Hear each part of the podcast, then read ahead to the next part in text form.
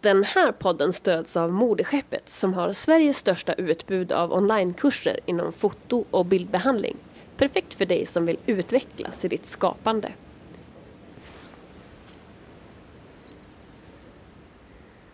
Talgoxen i full ja. fart. Ja. ja. Nej, det är, blå, det är blåmes. Jag är ja, helt ute och cyklar. Jag tänkte också säga det. det nu vart det nog fel. Men jag ser den inte. Där! Ja, de brukar bo i holkarna här. Då tänkte jag någonting sånt här då. Tänk att sitta och vänta och vaka och lyssna. Timme efter timme. För att plötsligt höra ett knak i skogen. Och så står den där, björnen. Denna månads podd handlar om gömslefotografering. Hej! Sara Wennerqvist. Hej! Du ska få börja med att eh, presentera dig själv som naturfotograf. Ja, eh, jag är ute i skogen mycket. Jag fotar ofta och gärna från gömsle. Och jag jobbar även som naturguide i min egen verksamhet. Wild Nordic heter den. Eh,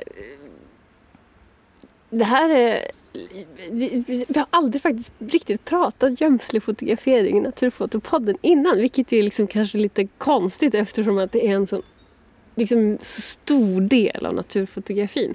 Och jag tror att det hänger ihop med att jag har suttit pyttelite i gömsle i jämförelse med dig.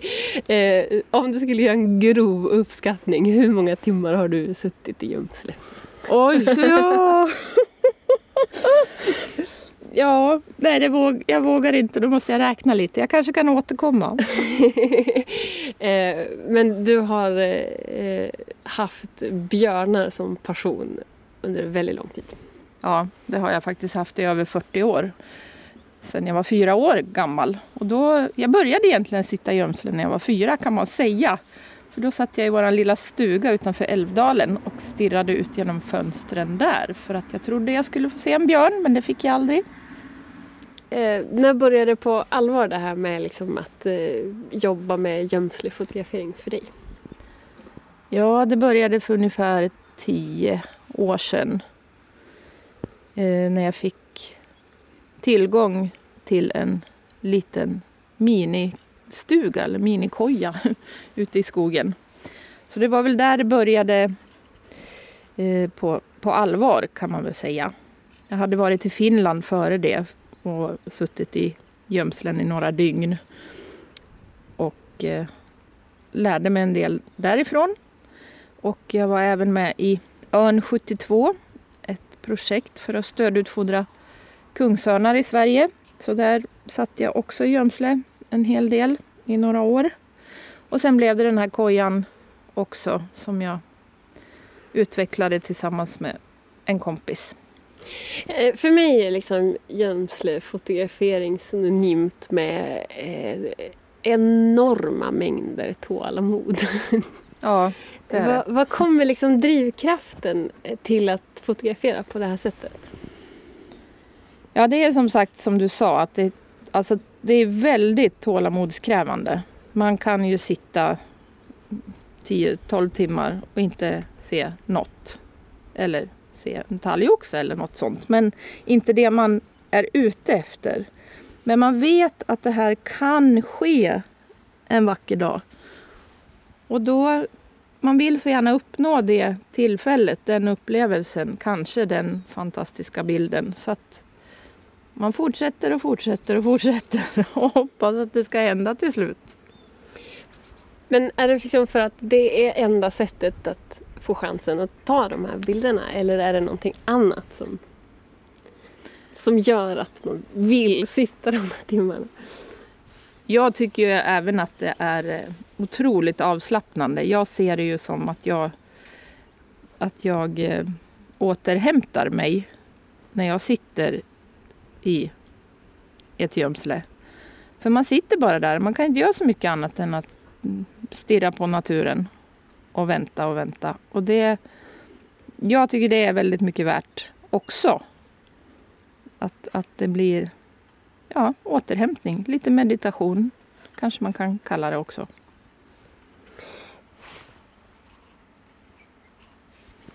Mm, jag tänker mer, vi ska liksom bli... För du får, nu får du tänka på att jag är liksom en ganska eh, ovan ovan gömslefotograf. Då. Men jag tänker mig att det finns ganska mycket olika tekniker inom gömslefotografering som liksom naturfotogren. Att man kan ha fasta gömslen och liksom gömslen som man kan packa ihop och ta med sig. Och så här. Kan, du, kan du introducera det här ämnet lite grann för, en, för, för, en, för mig som är, inte kan så mycket? Ja. Eh, det finns hur mycket som helst att lära sig. Och det finns ju till exempel grupper på Facebook. Fantastiska grupper där man kanske delar med sig om, om just gömslefotografering. Och en del är otroligt påhittiga och duktiga att bygga saker också. Eh, jag är inte så duktig på det. Men jag har väl kommit fram till rätt bra lösningar i fast gömsle och i, i tältgömslen som man kan flytta. Då. Men ofta med hjälp av andra med tips och ja, idéer på hur man kan lösa saker och ting så det ska bli smidigast och att man kan ha kameran på stativ eller bönpåsar eller små, små swing tripod finns det något som heter som är till just till bönpåsar för att få mer rörelse på kameran. Ja, det finns, det finns jättemycket olika tekniker och hur man ska bete sig. Men det, det bästa är nog kolla alla tips och kanske gå med i någon sån här Facebookgrupp eller på annat sätt. Och sen så får man ju utveckla själv vad man själv tycker blir bra. För det beror ju så mycket på vilka förutsättningar man har också. Liksom tillgång till var man kan vara någonstans och hur det liksom ser ut. Det, det är ja. ändå rätt mycket om, om det är flyttbart så är det ändå mycket grejer som ska eh, liksom bäras på och flyttas på och ut i skogen. Och, eh, hur, hur tänker du kring det? Äger du själv mark? Nej, jag äger ingen mark. Ehm, men de flesta markägare, eller alla markägare som jag varit i kontakt med och frågat om jag får sätta upp tältgömslen, de, de blir glada. Att de har något, något som jag tycker är spännande på sin egen mark. Eh, naturligtvis så är det mycket jobb om man ska göra det ordentligt. Som till exempel orrspel med tältgömsle om man vill ha det där i, i kanske två månader ute på en myr där snön smälter, det blir blött. Man kanske måste bära ut en massa granris, man kanske måste ha en plywoodskiva eller, ja, eller någonting i botten på ett, ett öppet tältgömsle. Det, det är klart det blir grejer, det blir det. Och det, det är mycket det är mycket jobb. Det gäller liksom att tänka på hela livscykeln också, att man ska ta hand om det där när det är klart. Ja, det måste man ju verkligen komma ihåg, särskilt om det inte är på ens egen mark. Då måste man ju plocka ihop allting ordentligt efteråt. Mm. Eh, men ska vi gå in lite mer på det? Orrspel, det är högsäsong. Det var många som var ute nu i påskhelgen som, eh, som precis gick. Eh, har du varit ute på norrspel nu? Nej, detta år har det inte blivit norrspel. Det har varit jobb med andra djur. Jag har faktiskt ägnat en del åt björnarna. De har precis börjat vakna. ja, de började, den första björnen jag vet, det var 20 mars. Och eh, björn, björnar har jag ju eh, björnskådning har jag för gäster på, vid ett fast gömsle, alltså den här lilla kojan som jag pratade om. Och eh, jag har suttit där några gånger under april månad och fått se björn. Så det har blivit det istället för, för orrspel i år. Hur skiljer det sig åt? Alltså hur, hur, eh, hur skiljer sig teknikerna för de olika djuren åt? Ja, alltså björn kommer ju ofta i skymning och gryning. Så där är det ju lite mer Det blir lite mer ISO, det blir lite längre slutartider. Eh, orrspelet är ju och så tänker jag att det handlar också mycket om hur man rör sig. Alltså hur man tar sig till och när man tar sig till sitt gömsle och så. Ja, ja det är klart.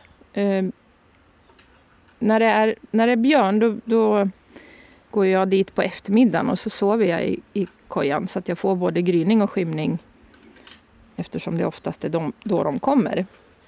Men orrspel, då är det ju, då är det ju supertidig morgon, kanske två, tre på morgonen. Så får man ge sig av och gå dit när det är mörkt för att vänta in dem i gryningen. Och det är ju väldigt roligt för det blir ju ljusare och ljusare hela tiden. Så då får man istället då blir man gladare och gladare när man kan ha snabbare tider, mindre ISO. Mm. Mm. Eh, hur, men liksom, hur jobbar du med eh, bildarbetet? När vi har pratat vid, eh, vid tidigare tillfälle så, eh, så har du eh, kallat eh, ditt fasta gömsle för din studio. Och det där tycker jag är lite roligt därför att det, liksom, det pekar på någonting om, tänker jag, kopplingen mellan så att säga dina behov eller din, vad du vill åt och vad, liksom, naturen och vad den vill åt. Det tycker jag är jättespännande. Så jag vill höra lite grann om hur du jobbar i din studio. Ja. För att få till de bilder du vill ha. Mm. Ja, det blir ju liksom en naturstudio runt det här fasta gömslet. Eh, jag har satt upp en hel del fina pinnar som man först får leta efter, eller grenar.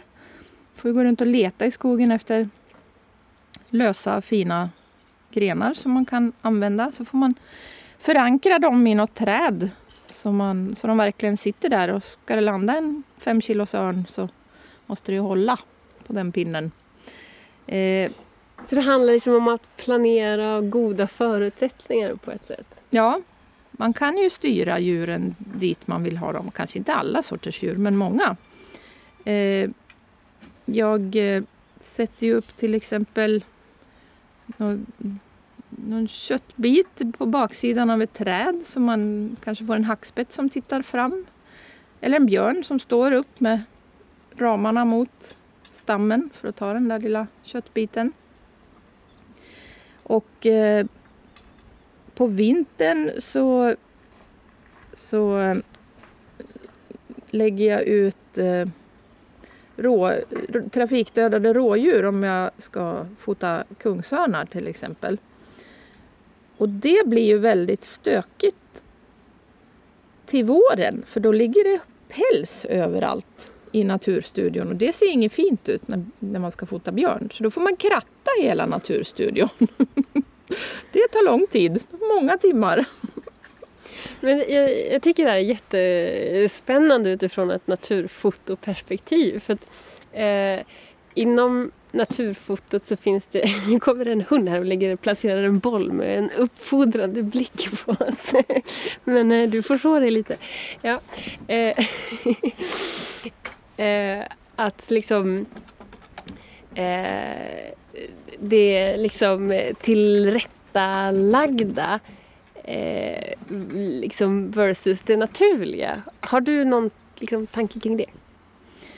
Ja, man kan ju inte man kan ju inte tillrättalägga allting. Det kan man ju absolut inte. Men just fåglar är det ju faktiskt fint. Om man, alltså om man vill man verkligen få fina bilder på fåglar så är det ju rätt behändigt att leta på en fin gren och sätta upp den i ett träd och mata med frön eller vad det nu är för fågel precis bredvid.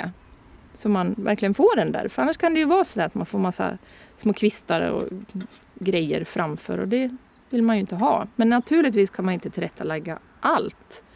Alltså, räven smyger förbi, då får man ju försöka fota den där den går helt enkelt. Men ändå så kan man ju ta ner något träd kanske för där, där kommer alltid räven. Kanske jag behöver ta bort den där lilla slybusken eller ja, man får, man får utveckla sin naturstudio. Det tar, det tar åratal. För det tänkte jag också på. Du eh, som sagt driver ju din eh, verksamhet här också. Har det skilt sig eh, Skiljer det sig hur du arbetar med liksom gömselfotografering nu jämfört med när det liksom bara var du? Ja, det gör det ju. Eh, alltså det är ju för att, att man kan utveckla hela tiden och det kanske jag hade gjort om det bara hade varit jag fortfarande. Men nu försöker jag ju göra, förändra lite från säsong till säsong eftersom det kan komma tillbaka samma personer. Det kanske inte är så roligt om det ser exakt likadant ut.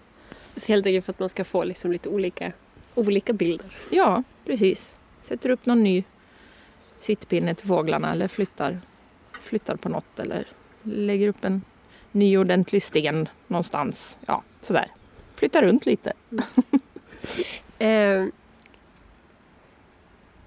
jag funderar på så här, eh, de djur som brukar komma dit. Det måste ju uppstå någon slags relation till de här individerna. Jaha, nu ska vi tänka om det gör det. Mm. Det, är, det är väldigt svårt att se skillnad på björnarna.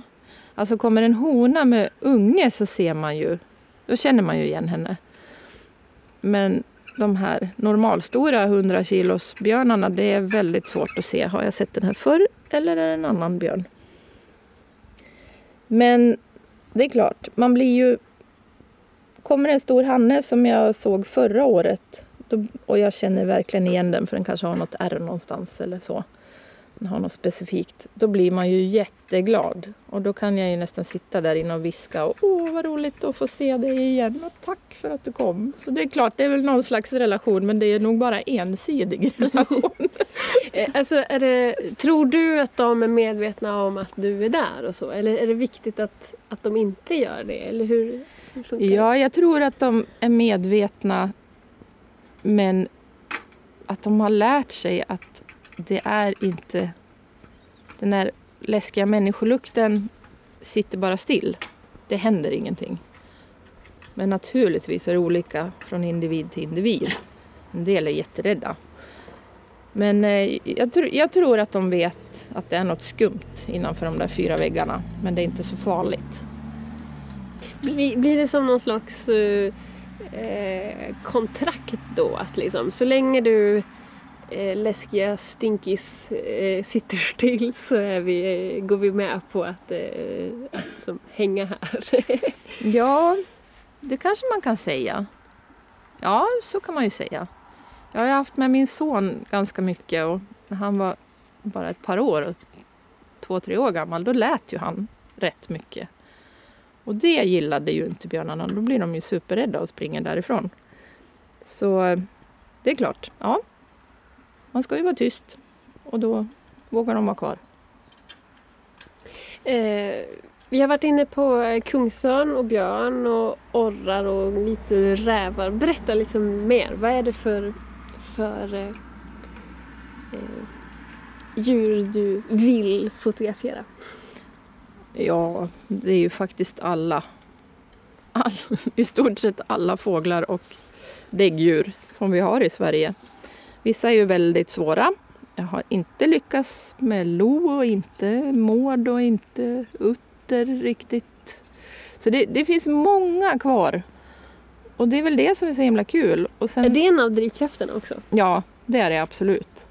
Och sen kan man ju alltid få bättre bilder på de djur man har redan bilder på. Men då blir jag nyfiken. Vad, vad, I ditt huvud, vad är det du letar då när du letar bättre bilder?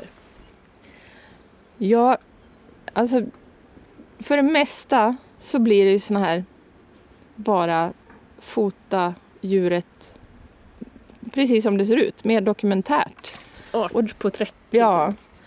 Och det, det är ju egentligen inte det man vill. Man vill ju ha superspecifik bild på, på björnen eller älgen eller vad det nu är för djur. Um, till exempel att, att en, djuret står i en solstrimma och man kan underexponera supermycket så att det blir alldeles svart runt omkring. Och det händer ju inte så ofta att man får den chansen. Men det har man ju alltid i bakhuvudet att man liksom vill ha den där specifika, unik, halvunika bilden liksom.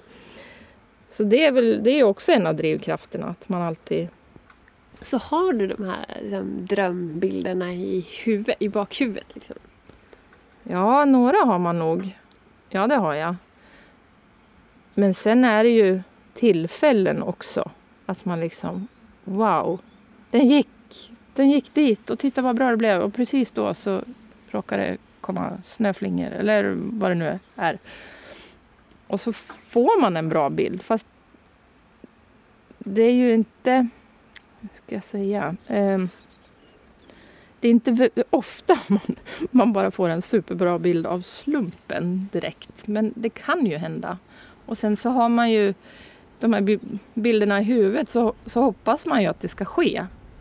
Att björnen ställer sig just i den där solstrimman eller att, att räven gör ett litet skutt mellan två stenar så man hinner få den i luften. Eller, ja. Jag får känslan av att mycket av det här bildarbetet sker när du sitter där och det inte är så mycket som händer och rör på sig. Alltså att man kan så uppleva fantastiska ljus eller häftiga liksom, väderomslag eller vad det nu mm. kan handla om som, som, eh, eh, som skapar de där idéerna. Eller funkar det? Ja, jo men så är det ju. Det sker ju när man sitter där, tycker jag. För mig är det så. Och man hoppas liksom, man ser att det faller snö från, från en trägren. Och så tänker man, åh vad häftigt det hade varit om en kungsörn hade flugit igenom det där. Och så har man den bilden i huvudet och så hoppas man på det och så händer det nästan aldrig. Men... Så det, handlar, det som handlar om att, att så här, eh, för saker, de här liksom perfekta tillfällena de sker ju säkert med hyfsat, eh, liksom, men de händer. Men du måste ju vara där när det ja. händer så det handlar bara om antal timmar och ja. liksom just den, den där tillfället. Ja, så är det ju. Absolut.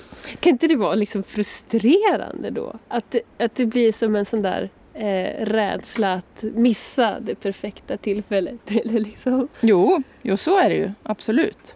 Länsstyrelsen har ju en, eh, en sån här eh, kamera, rörelsekamera vid min koja.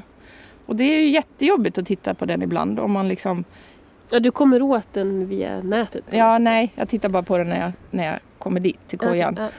Men då kan det ju vara att man liksom att jag tänkte sitta dagen före men jag gjorde inte det. Och då kan man nästan vara rädd för att titta på kameran. Nej, det satt tre kungsörnar på den där stenen samtidigt. Ja, vad det nu är. Så... Det, måste, det låter som att du kan bli lite besatt. ja, ja, så är det nog. Eh, men jag skulle vilja höra dig berätta om, om du har några sådana där... Det verkar som att du har ett specifikt smak kring eh, vilka bilder du vill ha. Kan du berätta om några, någon, om du har någon sån där, det måste inte vara din absoluta favorit, men, men liksom någon som ligger dig extra varmt om hjärtat? Ja, jag har, ju, jag har lyckats få både på tonfalk och björn, just det här med ljusstrimman bara få på djuret så att det blir alldeles svart runt omkring. Och det tycker jag är superhäftigt. Jag tycker det är så snyggt med sådana bilder. Eh, sen var det faktiskt en... Jag hade en, en mindre hackspett vid kojan, vilka inte är så väldigt vanliga här hos, hos mig i alla fall. Ja, vi, vi är strax utanför Järbo i Gästrikland. Ja. Vi är fortfarande i Gästrikland. Ja, det är det. Sandvikens kommun. Mm. Ja. Eh, och när jag såg den vid kojan, jag tror det var faktiskt första gången jag såg den så satte den sig precis där jag ville och när jag klickade av så kom det ett sånt där snö. Ja, det, det snöade så här fina stora snöflingor och så lyste solen igenom det. Så det, det kändes som att det var, det blev inte världens bästa bild men det var, perf, det var precis det jag kunde önska mig. Alltså det hände, allt hände precis som man vill ha det. Det känns som att det uppstår en sorts eh, liksom, eufori i stunden där och då. Ja, så är det. Absolut. Det, man blir ju alldeles... Men eh, ibland så undrar jag eh, när jag pratar med dig om det liksom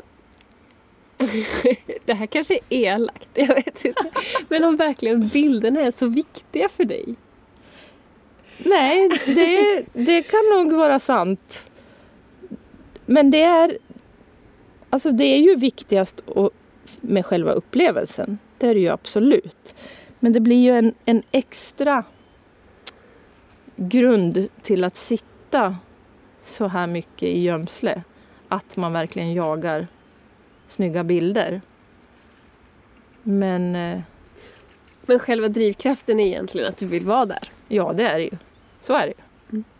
Jag vill uppleva så mycket vilt som går att uppleva i Sverige. Och det är ganska mycket mer än man tror när man rusar genom skogen. Ja, det är otroligt mycket. Jösses vad mycket vi har. Eh, vad står närmast på tur i, ditt, i dina egna projekt? Ja, jag har ju börjat med att försöka fota björnar med vidvinkel. Det betyder inte att jag är en halv meter själv från björnen utan det är, jag har byggt ett par lådor som jag kan sätta ner kameran i med vidvinkelobjektiv och så kan jag trycka av en bit bort, alltså när jag sitter i gömsle, så kan jag trycka av när, när det kommer ett djur framför lådan. Det här är jättesvårt för det är antingen är det för dåligt ljus eller så, ja för det mesta står de ju inte framför lådan men gör, gör de det så är det det kommer regnstänk på linsen eller det är för mörkt eller fokuseringen blir på träd bakom eller ja. Så det är ett projekt som kommer pågå väldigt länge innan jag får bilder som jag är nöjd med. Och det är roligt. Det känns som att det, finns, det gäller att vara ganska påhittig och lite tekniskt nyfiken och lagd eller liksom vilja experimentera på olika sätt för att få olika typer av bildlösningar så att man inte bara har den här klassiska eh, smala tele... Ja, precis. Jag tröttnade ju lite på det efter flera år av bara telefoto på björnarna. Eh, Jag tröttnade på att ta sådana bilder. Jag ville hitta på något nytt och då blev det, då blev det vidvinkel istället. Så vi får se hur länge jag orkar med det här projektet. Finns det liksom eh, flera sådana liksom olika... Så, när du har haft sådana här, nu är jag trött på mina bilder, vad ska jag hitta på nu? Eh, kan du, har du fler sådana exempel?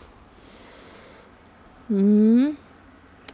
Nej, inte riktigt som jag har gjort någonting åt. Men jag har ju lite olika idéer i huvudet som jag kanske gör något åt någon gång. Jag har också funderat på att fota, ha en vattentät låda som jag kan ha under vattnet och sitta i gömsle och Så fota upp genom ytan liksom? Ja, både, både som är helt under vatten eller halva är ovanför ytan och halva nedanför. Och så är ju drömmen då att man skulle kunna fota utter på det viset. Men eh, dit har jag inte kommit än. Men det är skönt att det finns lite framför. Ja. eh, är det någonting som du eh, tycker att vi har missat som du skulle vilja tillägga?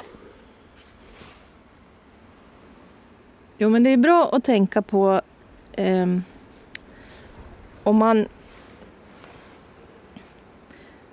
om man till exempel ska fota rovfåglar.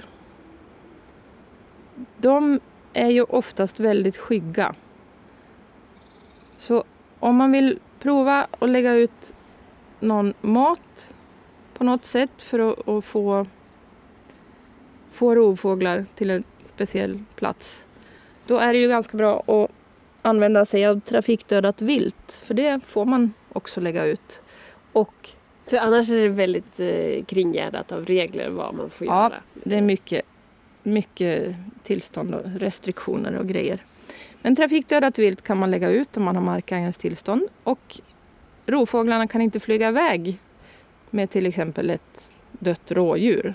Då stannar de och det gör ju inte så mycket om det blir med lite päls från ett rådjur på bilden tycker jag. För det är ändå ett naturligt villebråd för till exempel örn. Så det handlar, ja men det, återigen, det är liksom där att tänka kring, eh, ha mycket kunskap om, om djurens eh, biologi och skapa de förutsättningarna på en plats som man har tillgång till egentligen. Kort sammanfattat. Ja, så kan man säga. Och Och sen är det ju väldigt bra då, eh, om man, det spelar egentligen ingen roll om man har tältgömsle eller fast gömsle men man kanske inte vill fota eh, bara från samma höjd hela tiden så man kanske ska göra gluggar på ned, så man får ligga ner helt enkelt. Det vill man ju ofta att man är i samma nivå som djuren på sina bilder. Så det kan man ju också tänka på att man gör både gluggar i sitthöjd och gluggar i ligghöjd. Det kan ju vara skönt också att ändra ställning efter flera timmars... Ja, men man kan även somna om man då har gått upp klockan två på morgonen och lägger sig i ett liggömsle för att titta på orrar. Så vaknar man lagom till showen är över. Ja. Ja, så gjorde jag första gången jag var på orrspel.